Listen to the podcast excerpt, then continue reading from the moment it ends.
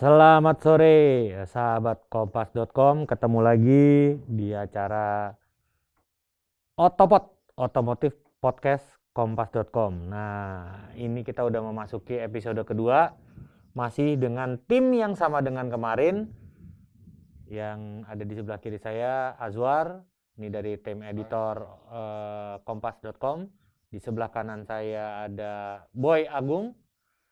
Di sebelah kanannya lagi ada Adit. Nah,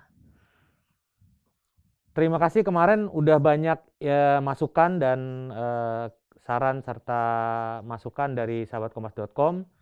Ya, karena kemarin masih perdana, jadi memang banyak kekurangan di sana sini lah ya. Harap dimaklumi. Tapi yang terpenting adalah saya senang bahwa eh, apa namanya informasi yang kita berikan itu masih diterima dengan baik. Bahkan e, dari teman-teman juga banyak dapat telepon dari apa namanya dari pembaca-pembaca kita dan juga dari industri pelaku industri otomotif.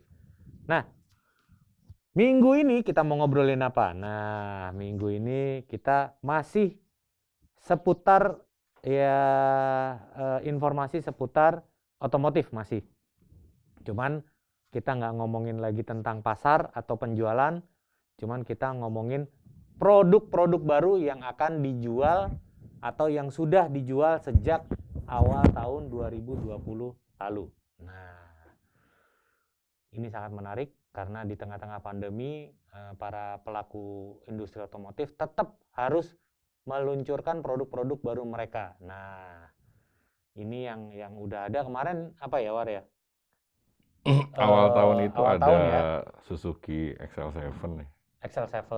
Hmm, terus ada kalau dari Suzuki masih ada Ignis facelift. Iya. Terus dari grup Toyota Daihatsu itu ada Agia. Agia dan Ayla, ya. Ayla.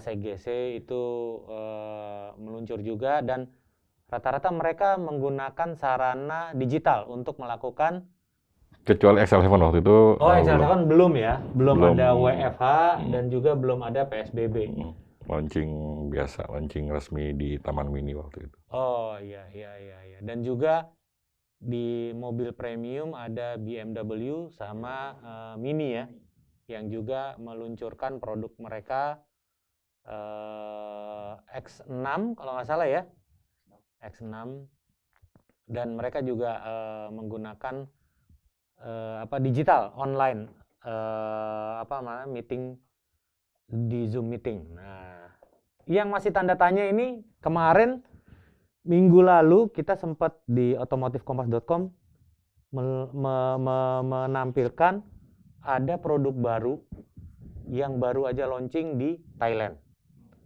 Ya Boy ya, Om Boy ya. Dan itu terpopuler lumayan eh, selama dua hari tiga hari terpopuler ya. Sampai uh, produk bekasnya itu juga jadi bahan uh, apa namanya informasi-informasi menarik ya dari sahabat uh, otomotifkompas.com. Apa itu produknya? Nah, Om Boy gimana Boy? Ya itu yang dinanti-nanti sih sebenarnya. Salah satu yang dinanti udah lama juga dia udah terakhir tahun berapa ya dia? 2020 2000 2016 ya? 15 16 15 ya? 15 16 gitu. Itu ya itu si Fortuner SUV Fortuner. Nah, menarik juga itu kemarin juga karena padahal ya, padahal ya, padahal pertama itu segmennya segmen atas. Middle yang kedua, ya men menengah ke atas ya. Harganya yang menarik lagi kemarin harganya di Thailand aja hampir menyentuh 1 M ya, Boy ya? Iya, 800. 800 jutaan ya. Varian teratas legender namanya, legender. Baru tuh Temennya Highlander, Baru tuh, varian yang jelas baru. bukan saudara nama expander bukan ya? Bukan. Itu beda-beda ini, beda bapak sama beda ibu. Nah, itu harga uh, startnya yang paling rendahnya itu 500-an ya. Itu udah udah benar-benar masuk ke harga yang yang ya kayaknya udah kelas atas. Dan itu juga apa perubahannya padahal cuma facelift doang nggak banyak yang berubah, cuman tampilan-tampilannya. Grill depan sih berubah, iya. grill depan berubah. Depan sama yang belakang, lampu-lampunya sama Hmm, ya lampu berubah. standar eh, apa namanya facelift lah ya, nggak terlalu banyak. Nah kalau dari Adit ada penerawangan apa nih Dit? Yang baru-baru apa namanya eh, produk-produk baru yang bakal kayaknya sih nggak bakalan lama ya yang Fortuner. Fortuner di Indonesia ya. Fortuner di Indonesia ini menurut eh, WhatsApp dari Mbah Jamrong di Gunung Kawi itu kalau nggak salah Juli ya. Juli. Ah, Juli itu ada ini akan ada eh, produk yang akan diluncurkan. Juli aja emang stok di dealer udah habis belum yang Nah, lama Itu menarik. Nanti kita bahas. Nanti kita bahas. diskonnya Nanti, gede tuh nanti kita bahas. Diskonnya gede. Nggak menariknya gini sih kalau ngeliat Fortuner itu kan multi plat- platform ya multi platform dari iya, iya, iya. eh, dia eh, berbagi platform sama Hilux dan sama Innova. Innova, Heeh. iya. Artinya di Indonesia sih kalau ada Fortuner, eh, Innova juga nggak bisa nggak bisa kita eh, nggak bisa kita pinggirin. Artinya Hmm. Innova juga kayaknya udah masuk masuk life cycle pembaruan, life cycle pembaruan ya. Dia terakhir eh, pertama apa launching itu 2015 juga ya, 2014 2015. 15. 2015. 15 ya. Terus sempat ada model barunya eh Venturer, Venturer. Venturer. Venturer jadi menggantikan eh, varian Q ya. Hmm. Terus varian itu. Berarti kan artinya kan sekarang udah 2020 udah ada udah masuk life cycle, life, life cycle harusnya ada ada ini. Kalau misalnya Fortuner baru dengan platform dengan platform yang sama artinya bi- bisa bisa kemungkinan Innova juga harusnya kan Iya, cuman pasti eh, nggak jauh sih. Memang eh, apa namanya biasanya yang udah-udah budaya budaya di Indonesia biasanya antara Fortuner dengan eh, Innova itu launchingnya nggak akan beda jauh waktunya. Cuman yang nggak tahu nih memang eh, tahun ini serba di luar prediksi dan semua serba serba baru Ya lah. maksud gue gini kalau Fortuner segmennya ada SUV, maksudnya peminatnya banyak. Tapi kan kalau Fortuner itu eh, kompetitornya juga ada, ada Ya, Pajero, ya, ada ya, beberapa merek lain kayak Ya. Nissan juga punya Tera. Tera ya. Ya. Terus di M, Isuzu MU. MU-X. X. Sementara kalau Innova kan nyaris Bener-bener nggak ada Tanpa- dia. Iya, iya. tanpa kompetitor ini sebenarnya eh, Mau ada boy dari Wuling. wuling. Nah sebenarnya menarik itu kenapa Innova, eh kenapa Fortuner launching dulu di Thailand karena sebenarnya base production mereka emang di sono. Kita emang kebagian sebagian lah, eh, tapi nggak nggak dominan gitu. Tapi ya kalau bicara Innova pasti Indonesia ntar bakal launching duluan. Jadi akan switching lah gitu. Gantian apa walaupun platformnya sama. Yang menarik juga sebenarnya gini. Fortuner itu udah mulai pakai nama-nama baru ya kayak misalnya ke Innova kita punya Venturer gitu. Nah si siapa? Ah, Fortuner? Fortuner Legender. Legender gitu. Kayaknya mau ada upaya dari Toyota untuk memisahkan atau mem- menciptakan segmen baru di produk yang sama gitu. Hmm. Kayak ini strategi marketingnya ke depan mungkin siapa tahu aja nanti nggak bakalan udah mulai ditinggalkan atau segmennya naik jadi nanti ada apa ada ruang untuk segmen baru masuk di situ gitu buat produk-produk baru. apa karena ada informasi atau isu-isu kayak apa namanya eh apa pemain baru SUV yang kemarin konon kabarnya dapat bintang 5 tes tabrak Wih, Razer, Razer, Razer. Raiza Daihatsu, Daihatsu Rocky dan Toyota Raisin. Rocky Sebenarnya- sama Raiza Sebelum belum ke situ dulu, nanti segmen yang di situ ngisi yang ngisi itu sebenarnya ada satu lagi ya segmen Di atasnya LSUV itu. Buat. di di atasnya SUV crossover apa namanya Corolla Corolla crossover. crossover Kan si Yaris crossover udah uh, grand loss di Jepang ya kemarin ya. Itu juga uh, menarik juga tuh segmen itu kayak sekarang Toyota lagi giat bikin barang-barang yang agak-agak tinggi gitu. Mungkin disesuaikan dengan apa tren dunia juga yang crossover Ke SUV sama tuh crossover lebih ya. pada apa gennya gen marketnya makin gede gitu. Nah itu menarik. Nah katanya sih kalau isunya dengarnya dari beberapa obrolan nanti yang Corolla SUV itu bakal launching perdana di Thailand juga. Thailand juga bakal jadi base production. Nah nanti akan diimpor ke Indonesia dan itu kayaknya nggak akan lama. Jadi kayaknya banyak juga produk dari. Lumayan, Nah lumayan. itu baru masuk ke bawah segmennya lagi nah yang diisi si Daihatsu produk kolaborasi ke sekian ke berapa jadi? ke dari mulai Avanza Xenia, Xenia, Ras Terios, Agia, Agia Ayla, Kalia Sigra. Nah, ini berarti ya. 6 ya? li- lima, lima. Kelima. Kelima. Pembedanya apa itu? Razer Rocky dengan Ras Terios. Segmennya nyaris mirip kan? Nyaris mirip. Nah, kalau gua tahu dari bocoran uh, salah satu manufaktur yang merakit itu hmm, nanti akan pembedaan dari fitur lah biasa kan dari kalau lu lihat aja biasanya gampang lah lihat dari Avanza Xenia lihat dari Rasterios biasanya fiturnya agak-agak beda dikit dan biasanya Daihatsu juga suka colongan ada kayak Terios itu kan dia punya 360. 360 Ya. yang katanya Toyota kecolongan. Uh, Daihatsu nggak ngomong-ngomong pakai gituan jadi Ah, katanya ya ini isu di dalam begitu katanya. Terus juga yang gua tahu itu bocoran yang yang eh, yang didapat eh, si Rocky sih. Rocky kayaknya nanti bakal ada dua engine yang masuk di Indonesia 1,2 sama 1000 turbo. Jadi nanti akan tiga varian ya. Anggap aja ini omongan ini aja ya. omongan warung kopi. Omongan orang kopi aja gitu. Jadi nggak usah ngomongin sumber tapi gitu katanya. Nah nanti ada 1,2 justru yang 1000 turbo ini bakal jadi varian termewahnya nanti gitu. Nah itu menarik juga jadi mulai udah mulai masuk ke segmen-segmen Tapi kalau udah main Turbo. turbo, biasanya itu harganya itu karena teknologi ya.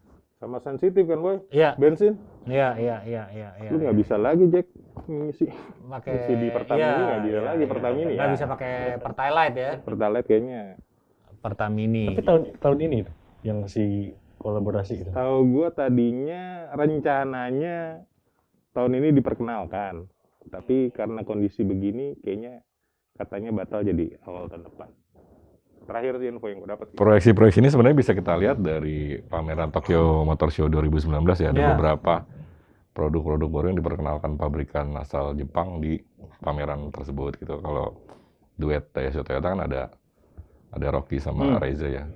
Ada Yaris juga kan waktu itu. Ada. Yaris. Ya, Yaris tapi eh, masih tahun depan. Kalau 2019 kalau yang Yaris yang itu mah nggak bakal masuk sini Oh bukan, yang maksudnya Yaris yang baru, yang overall, dan itu yang akan diproduksi di Thailand atau Cina. Nah itu masih belum deal. Sama statusnya kayak yes Jazz. Honda Jazz itu launching all new di Tokyo Motor Show. Cuma ternyata HPM itu nggak nggak Ya, ini yang Nah, Jazz masih ya kan? memiliki kan kalau jazz yang all new itu kayaknya susah buat masuk sini karena udah berubah konsep. Iya, iya, iya. iya. Artinya jazz di sana lebih imut ya, lebih apa ya, lebih lebih cute, lebih Kalau kata desainernya mengadopsi apa namanya eh eh, anjing ya?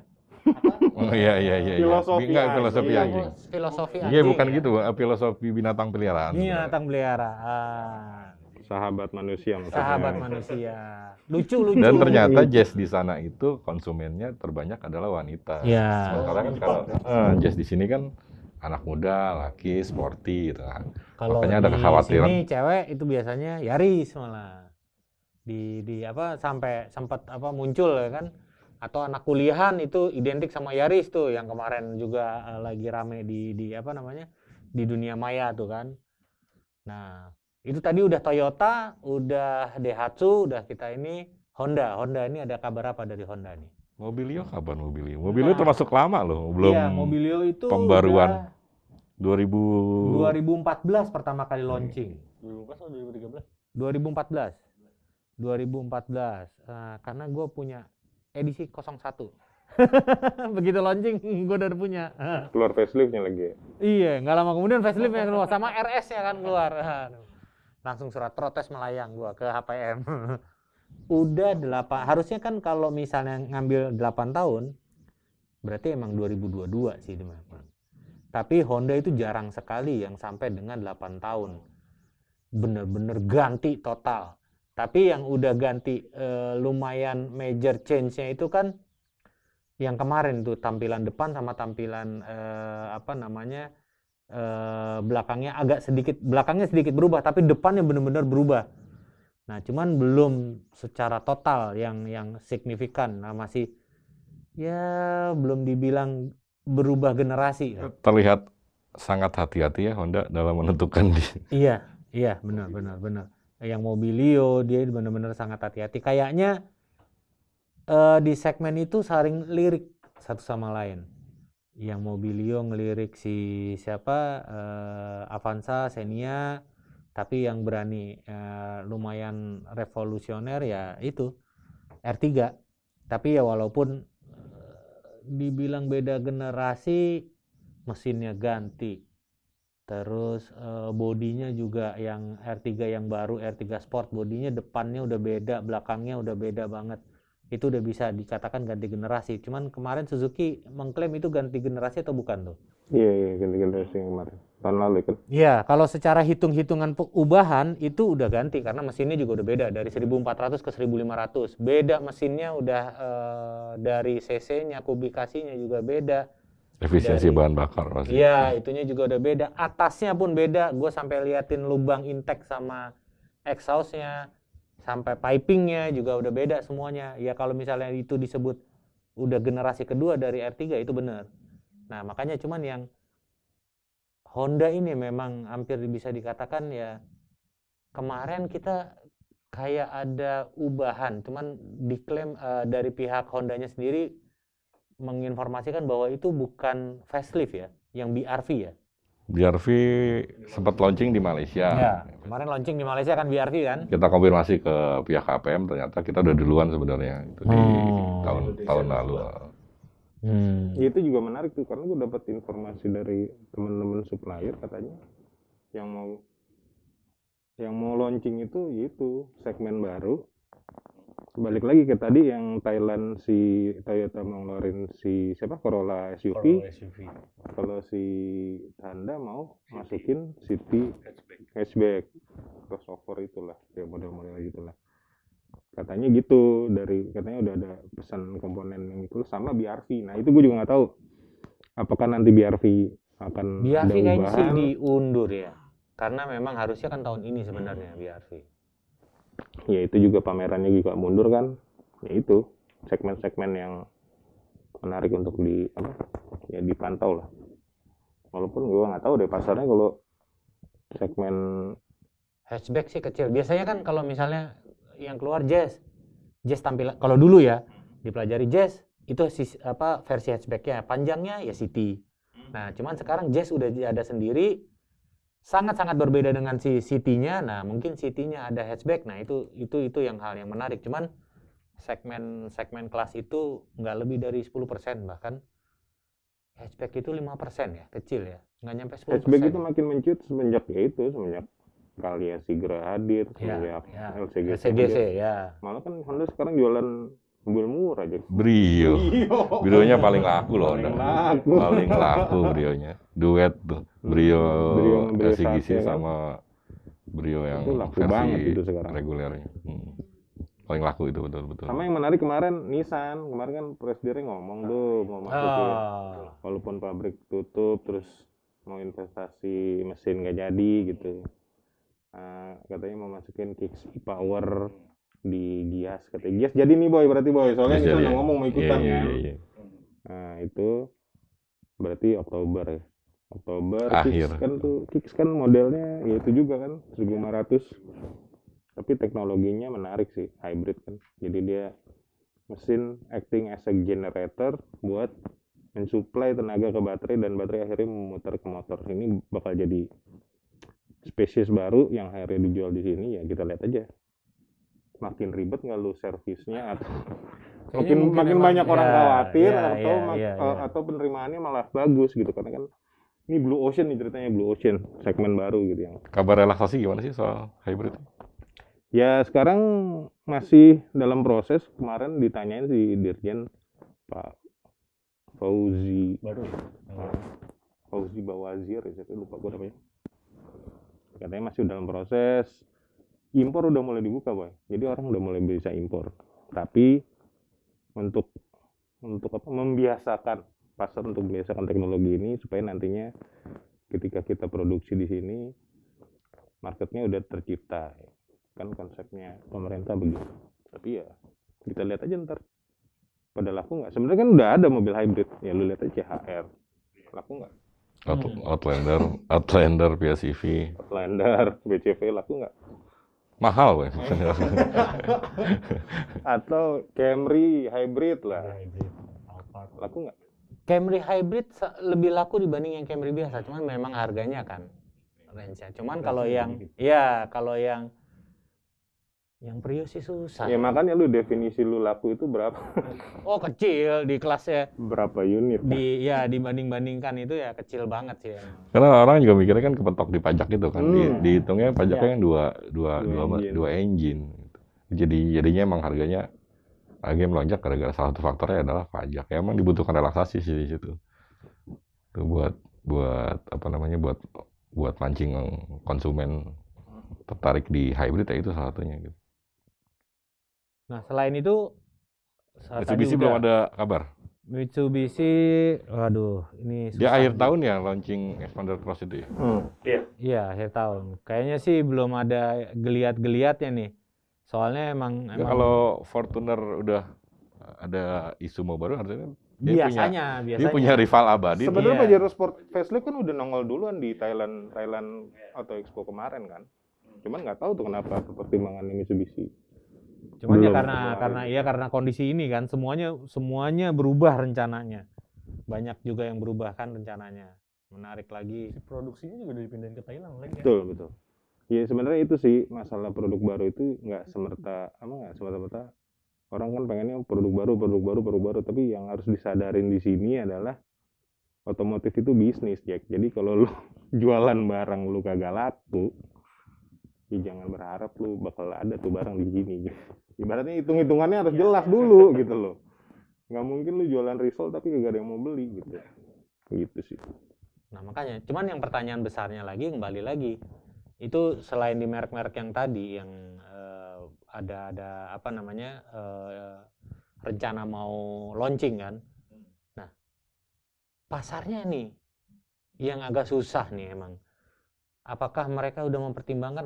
Apakah mereka hanya memperkenalkan? Karena eh, kemarin sempat ngobrol ya sama teman-teman di ATPM. Lu launching mau launching nih produk begini di masa pandemi, emang pembelinya ada? Mereka cuma bisa jawab paling enggak konsumen ini masih ingat sama produk mereka, konsumen masih ingat sama merek, konsumen masih eh, ingat sama produk-produk yang benar-benar eh, lagi booming. Jadi ketika mereka udah pandemi ini selesai, mereka memutuskan, oke, duit gua masih aman dan kita bisa jadi beli mobil, mereka akan merujuk ke produk-produk yang emang udah diingatkan. Jadi mereka tetap berusaha mengingatkan apa segala macam. Kalau dulu dia ngobrol brand image, kalau sekarang enggak. Berusaha supaya apa yang di pikiran orang itu eh, yang ada di mindset eh, konsumen-konsumen itu mereka tetap oh pada suatu saat beli, oke mereknya A. Terus oke, gue mau beli mobil. Oh produknya tipenya yang ini. Gue mau beli mobil. Oh mau yang ini. Nah, dan juga mudah-mudahan ya kalau dilihat dari hari apa namanya hari Selasa eh, apa namanya eh, tulisan artikel di otomotifkompas.com itu di segmen-segmen mobil bekas pembacanya udah membludak yang 50 jutaan, 70 jutaan, 150 jutaan, ya kan? Di bawah 200. itu pokoknya di bawah 200 pembacanya waduh hitnya tuh sampai tinggi hari Selasa tuh hari Senin hari Selasa itu tentang mobil-mobil bekas itu ya di minggu ini itu eh, pembacanya banyak nah mudah-mudahan ini sebuah indikasi apa ya bahwa Ya sebenarnya orang pengen beli mobil ada bang. iya minat belinya ada cuman Cuman kayak masih nah Jadi beli. memang buat teman-teman ATPM mungkin mereka harus coba berpikir lebih keras lagi untuk memberikan stimulus-stimulus lah. Dan yang penting yang seperti pembicaraan podcast kita sebelumnya, pembelinya itu adalah leasing. Nah, nah mungkin bisa sedikit mencair lah nih leasing-leasing. Iya kan? Atau mungkin bisa begini, Boy. Kalau yang dulu kita pakai untuk akal-akalan, ATPM produsen ngasih diskon nih. Sales ngasih diskon. Nah, biasanya diskonnya itu diambil buat DP. DP. Buat tambahan DP. Iya, udah, tambahan di- DP. udah dilakukan boy itu. Iya. Tapi masih kurang kan sebenarnya. Cuman karena dulu udah 20%, diskonnya biasanya dapatnya 20% diskon atau 15 cuman ditambahin sekian jadi 20%. Nah, mungkin sedikit tipsnya juga buat apa namanya eh, sahabat kompas.com yang pendengar apa mendengarkan podcast ini. Jangan ragu untuk membandingkan harga dari satu dealer ke dealer yang lain. Karena ah, bocoran lagi nih. Biarin aja. Udah dari kemarin kita diomelin dari apa eh, sales-sales kan. Aduh, Pak, jangan dibocorin dong kayak gitu. nggak apa-apa. Kita nih temennya konsumen. Pembaca kita nih friend ya kan, sohib ya kan. Jadi sebenarnya seorang sales itu mendapatkan tiga insentif dari dealernya, dari leasing dan juga dari asuransi asuransi. Nah, makanya insentif itu coba diomongin. Jadi jangan sampai males sahabat kompas.com. Dealer ini adu domba aja. Oh, dealer sono ngasih gue diskon sekian, dealer sini ngasih diskon sekian. Nah, biasanya yang ngomel itu pedagang mobil bekas tuh. iya kan? Dan juga yang memberikan diskon paling gede emang dari sisi dealernya, bukan dari yang apa namanya yang eh, insentif-insentif yang diberikan. Insentifnya juga nggak terlalu besar sebenarnya dari dari apa eh, para sales itu. Cuman diskon yang dari si siapa si eh, dealer-dealer ini yang udah besar gitu. Makanya udah bandingin aja 2 juta 3 juta itu pasti udah bisa Tips gampangnya sih berbeda-beda. saat mau beli mobil telepon aja, Iya. eh, terus tanya diskon mentok. gitu. Iya, diskon mentoknya mentok. berapa? Kalau diskon mentok, oke kita ke sana apa segala macam. Tapi kita juga punya gambar, artinya jangan ketika kita mau beli mobil murah yang 150 jutaan, ya 150 jutaan mobil murah ya. Satu, Iya. eh kita eh mobil nggak bisa dibilang murah ya. Iya. LCGC lah. itu satu- tapi jangan minta juga diskon itu jadi 50 juta, itu kan Iya, udah nonsen iya, gitu. Artinya iya, kan iya. eh, ada ada ada ada batasan bawah lah Iya, gitu. Iya, iya. Makanya eh, tipsnya ya tanya diskon mentoknya berapa. Ya itu jangan jangan malas untuk ngebandingin dengan dealer lain gitu. Eh, lumayan lo di bisa selisih-selisih 2 sampai 5 jutaan Iya, kan. sampai 5 juta rata-rata selisihnya itu bisa bisa ya lumayan selisihnya eh, sampai 5 juta misal dapat diskon 15 juta dari harga 150 juta itu berarti baru 10 persen kan nah sekarang mintanya rata paling dikit berapa boy sekarang boy 40 ya bukan eh, leasing. Oh, DP leasing, DP 40. kemarin si hasil liputan dari teman-teman otomotif kompas.com ada beberapa dealer mereka sudah menurunkan eh, DP dari 50% jadi 25% tapi si leasingnya pun jadi diperketat jadinya dia nggak bisa sembarangan lagi di batas bawahnya 25% tapi lebih ketat lagi dia dicari C- BI checking segala macam gitu Lu ngutang di warung aja dicoret bang. Eh, Adit ngutang di warung nggak bisa nih. Kredit lu nggak. Maksudnya ketat kan kita ala- alamat harus jelas, ya ya pekerjaan, ya lu punya ga- beli kulkas kredit wah udah susah tuh nggak bakalan dapat udah punya gaji per bulan yang yang masuk nggak uang per bulan yang masuk nggak itu itu biasanya yang yang agak diseleksinya sih sih itu. Ya emang supaya nggak jadi Iya, apa namanya nggak nggak NPL ya nggak nggak ada kredit macet. Tapi memang ya satu, mungkin ini yang bisa jadi ini merupakan hawa positif lah ya. Bahwa daya beli itu sebenarnya ada, cuman ya itu dia, mereka masih maju mundur, maju mundur, maju mundur. Ketaker eh, kelihatan banget deh dari setiap kita ada produk baru, ya kan? Pasti pembacanya hitsnya kenceng banget. Ya kan? Hits eh, hits per detiknya itu kenceng banget. Terus kita bikin diskon, berita tentang diskon pasti kenceng banget. Nah dari situ kan udah kelihatan. Cuman kalau bulan Mei itu tadi barusan iseng lihat-lihat, paling gede itu penjualan wholesale itu 700 ya. Wholesale di 700 Mei ya. bulan Mei. selesai dari pabrik ke di-. Toyota di angka 600. Nggak sesuai dengan obrolan kita kemarin. Iya. Mei bakal lebih parah. Lebih Dan parah. terbukti. Kan taruh 2400 Toyota yang bulan eh, April kan. Mei-nya cuma 600-an. Mitsubishi 700, Suzuki 700. Ada yang ini ya. Ada, Telur boy telur. ada telur. Dan itu lima besar jadi. Luar biasa. Luar Mungkin ini biasa. kali, mungkin emang bener-bener menerapkan WFH dia, eh, Oh PSBB. iya. Jadi nggak ada aktivitas. sosial gitu. berskala besar. Saya mau beli mobil enggak hari ini kita enggak lagi bulan Kita ini nggak kita lagi ngejual. Iya, iya, Makanya iya. nol. Iya, iya. Enggak enggak iya. sebut merek kok, nah yang nol apa. Cuman area yang ngerasa ya. Yang tinggal disunter ya. Oh.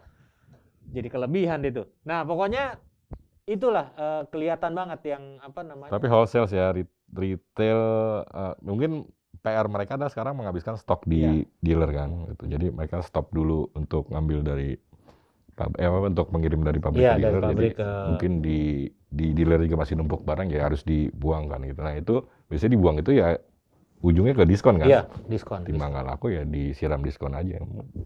Tapi kalau lihat sekarang nih, lihat kondisi begini, menurut lu mendingan lu launching nanti ini kan Gias akhir tahun nih Ah. pameran gitu ya, akhir tahun, terus jualannya tahun depan apa nunggu tahun depan aja launching? Kalau lihat dari budaya orang Indonesia nggak apa-apa diiming-iming dulu boy. Kalau nggak launchingnya sebelum Gias, di Gias mobilnya dipamerin, Dipamerin Jualan dulu, tapi itu. jangan dijual. Jualnya ntar. Pengirimannya atau enggak pengirimannya tahun depan. Honda biasa begitu tuh ya. Honda. Dari it- pertama kali tuh Honda tuh, gue inget banget Mobilio. Iya kan, dari sketsa ada launching sketsa doang. IMS pamer. Pamer, prototipe pamer, produksi massal pamer. Dari pertama sketsa sampai dijual itu hampir satu tahun. Ingat nggak expander dulu XM Benar. konsep XM ya? konsep. XM konsep berapa pameran itu dibawa? Iya. XM konsep, XM konsep akhirnya baru launching 2017 kan? Iya, Kalia Sigra, eh, Agia sama Ayla yang eh, desainernya orang Indonesia kan? Mark Iya, Wijaya. ditampilin dulu, ya kan? Udah sampai dua tahun kemudian baru muncul. Ya kayak begitu Itu ya. strategi sih, strategi marketing. Strategi Ya, biasanya. nggak apa-apa. Buat buat ngelihat Wah kita belum jual, padahal sih kalau tanya produksi sih udah ready, ini tinggal jual doang ini. Cuman ya udah buka gitu. SPK. Yo, eh, buka SPK SPK. dulu. Siapa yang mau pesan-pesan? Biasa orang Indonesia demen banget kayak gitu. Nanti pertama kali keluar, jubret, udah semuanya deh tuh kan rebutan cari yang eh, apa namanya yang pertama yang pertama. Begitu. Menarik menarik ini udah mulai menarik. Ya mudah-mudahan juga Merek apa yang masih kita kelewat? Tadi udah Toyota Daihatsu bocoran mobil barunya udah tuh Toyota Daihatsu. ada. Besok sih hari Kamis, eh ya, hari Kamis besok tanggal 17 ada Mini. ini gencar loh. Gencar, BMW, Gencar Mini itu BMW gencar. sama Mini gencar. Mini GT. Karena dapat perintahnya emang gitu, launching. Pokoknya launching, ya kan? Nah, Dia tahu segmennya sih, Boy. Iya, segmennya nggak nggak kena Segmennya. nggak begitu berdampak. Nggak lewat depan rumahnya kayaknya pandemi ini nggak lewat depan rumahnya. Di Wallace aja. Iya iya Toyota Daihatsu udah, Honda bocorannya eh Honda malah tadi kita ngalurin dulu malah Iya, ada Honda memang belum ada. Mobilio masih tanda tanya ya. Tanda tanya. Mudah-mudahan ada BRV, ada tadi apa tuh yang City hatchback. City hatchback. Wah menarik tuh City hatchback tuh. Sedannya nggak ada dong. Sedan sekarang pem- gimana pemanis, sedan? Boy, sedan. Pemanis doang. Iya. Mahal dong. dong. Kalau bahasa kalau bahasa kita nice to have aja. Nah, iya kan? Suzuki ada bocoran, Suzuki. Suzuki yang mau bikin beli ini bikin beli apa namanya? Mobil murah. Mobil murah. Mobil murah, ya, ya. Di segmen itu kan. Gias kayaknya tuh Gias ya. Habis itu Karimun Wagon R tetap. Nah itu belum belum Belum ada jejak-jejak bocoran-bocorannya nih. Kayaknya lagi lagi pada nahan, susah juga sih. Emang tapi ama- apa apa laku? Ignis tuh kemarin baru ya, Ignis. Ignis, Ignis. Inggris kan baru launching kemarin. Kayak gue liat biasa-biasa. Grill. Grill, grill, ya, Oke. grillnya berubah. Oh, soalnya impor boy. Soalnya di sana udah berubah. Mau nggak mau kan bawang Iya, sini juga berubah juga. Iya, iya, iya, iya, iya, iya. Di India udah berubah. Sampai sini harus berubah. Terus Nissan, Nissan Leaf jadi nggak tuh? Lift juga jadi. Lift. Oh iya dia tuh Nissan Leaf tuh. Sama itu, not not not. Cuman nggak tahu tuh not not apa not di launching atau not tidak di launching itu. Itu not itu jadi catatan maksudnya. Sementara pabriknya udah tutup nih, waduh. Menyerahkan semuanya ke Ya kayak satu, salah satu artikel kan ada udah angkat tangan kan, bukan main ya. Ada yang lewat lagi. Yang Cina, Cina, Cina. Cina itu yang informasi Wuling. Wuling Oh, yang mau jadi iya, iya. pesaingnya Innova. paling tuh nongol di pameran juga sih konsepnya. Iya, konsep atau prototipenya lah ya. Wuling sih jadi produk Cina yang paling agresif ya. Punya masuk di beberapa segmen kan MPV dan SUV ya. Iya, soalnya kan dia emang tugasnya berat banget. Dia harus membalikan eh, kisah-kisah kelam produk-produk merek Cina yang sebelumnya yang hengkang dari Indonesia kan. dia harus memperbaiki citra itu ya temannya ini saudaranya ini nih yang yang yang kayaknya tidak segencar si. Kemarin di acara G Convec apa tuh? Luncurin apa? Di FSK Gelora. Gelora, Eh, Gelora ya? Gelora. Blind fan. Blend, blend fan ya, soalnya itu Iya, blend fan. Gelora. Namanya Gelora. Ada 580, ada 560, nggak tahu jualannya. Yang jualan malah ya mas pick up ya. Pick up-nya kan iya, yang, iya. yang lumayan. rata-rata memang yang kalau dilihat jualannya bagus itu yang punya niaga sih emang kayak yang yang nomor satu sama eh, yang 700-an yang paling gede itu Mitsubishi dengan Suzuki Karena punya niaga. dia punya niaga Mitsubishi punya double L300, cab-nya sama single L300. cab-nya, L300 Suzuki masih ada carry-nya gila-gilaan gede kan nah itu doang kalau yang nggak ada itunya udah susah ngos-ngosan. Tapi yang ada dua-duanya malah nggak jualan. Kan bingung juga gua. Ngebacanya gimana itu ya? Aduh anomali emang.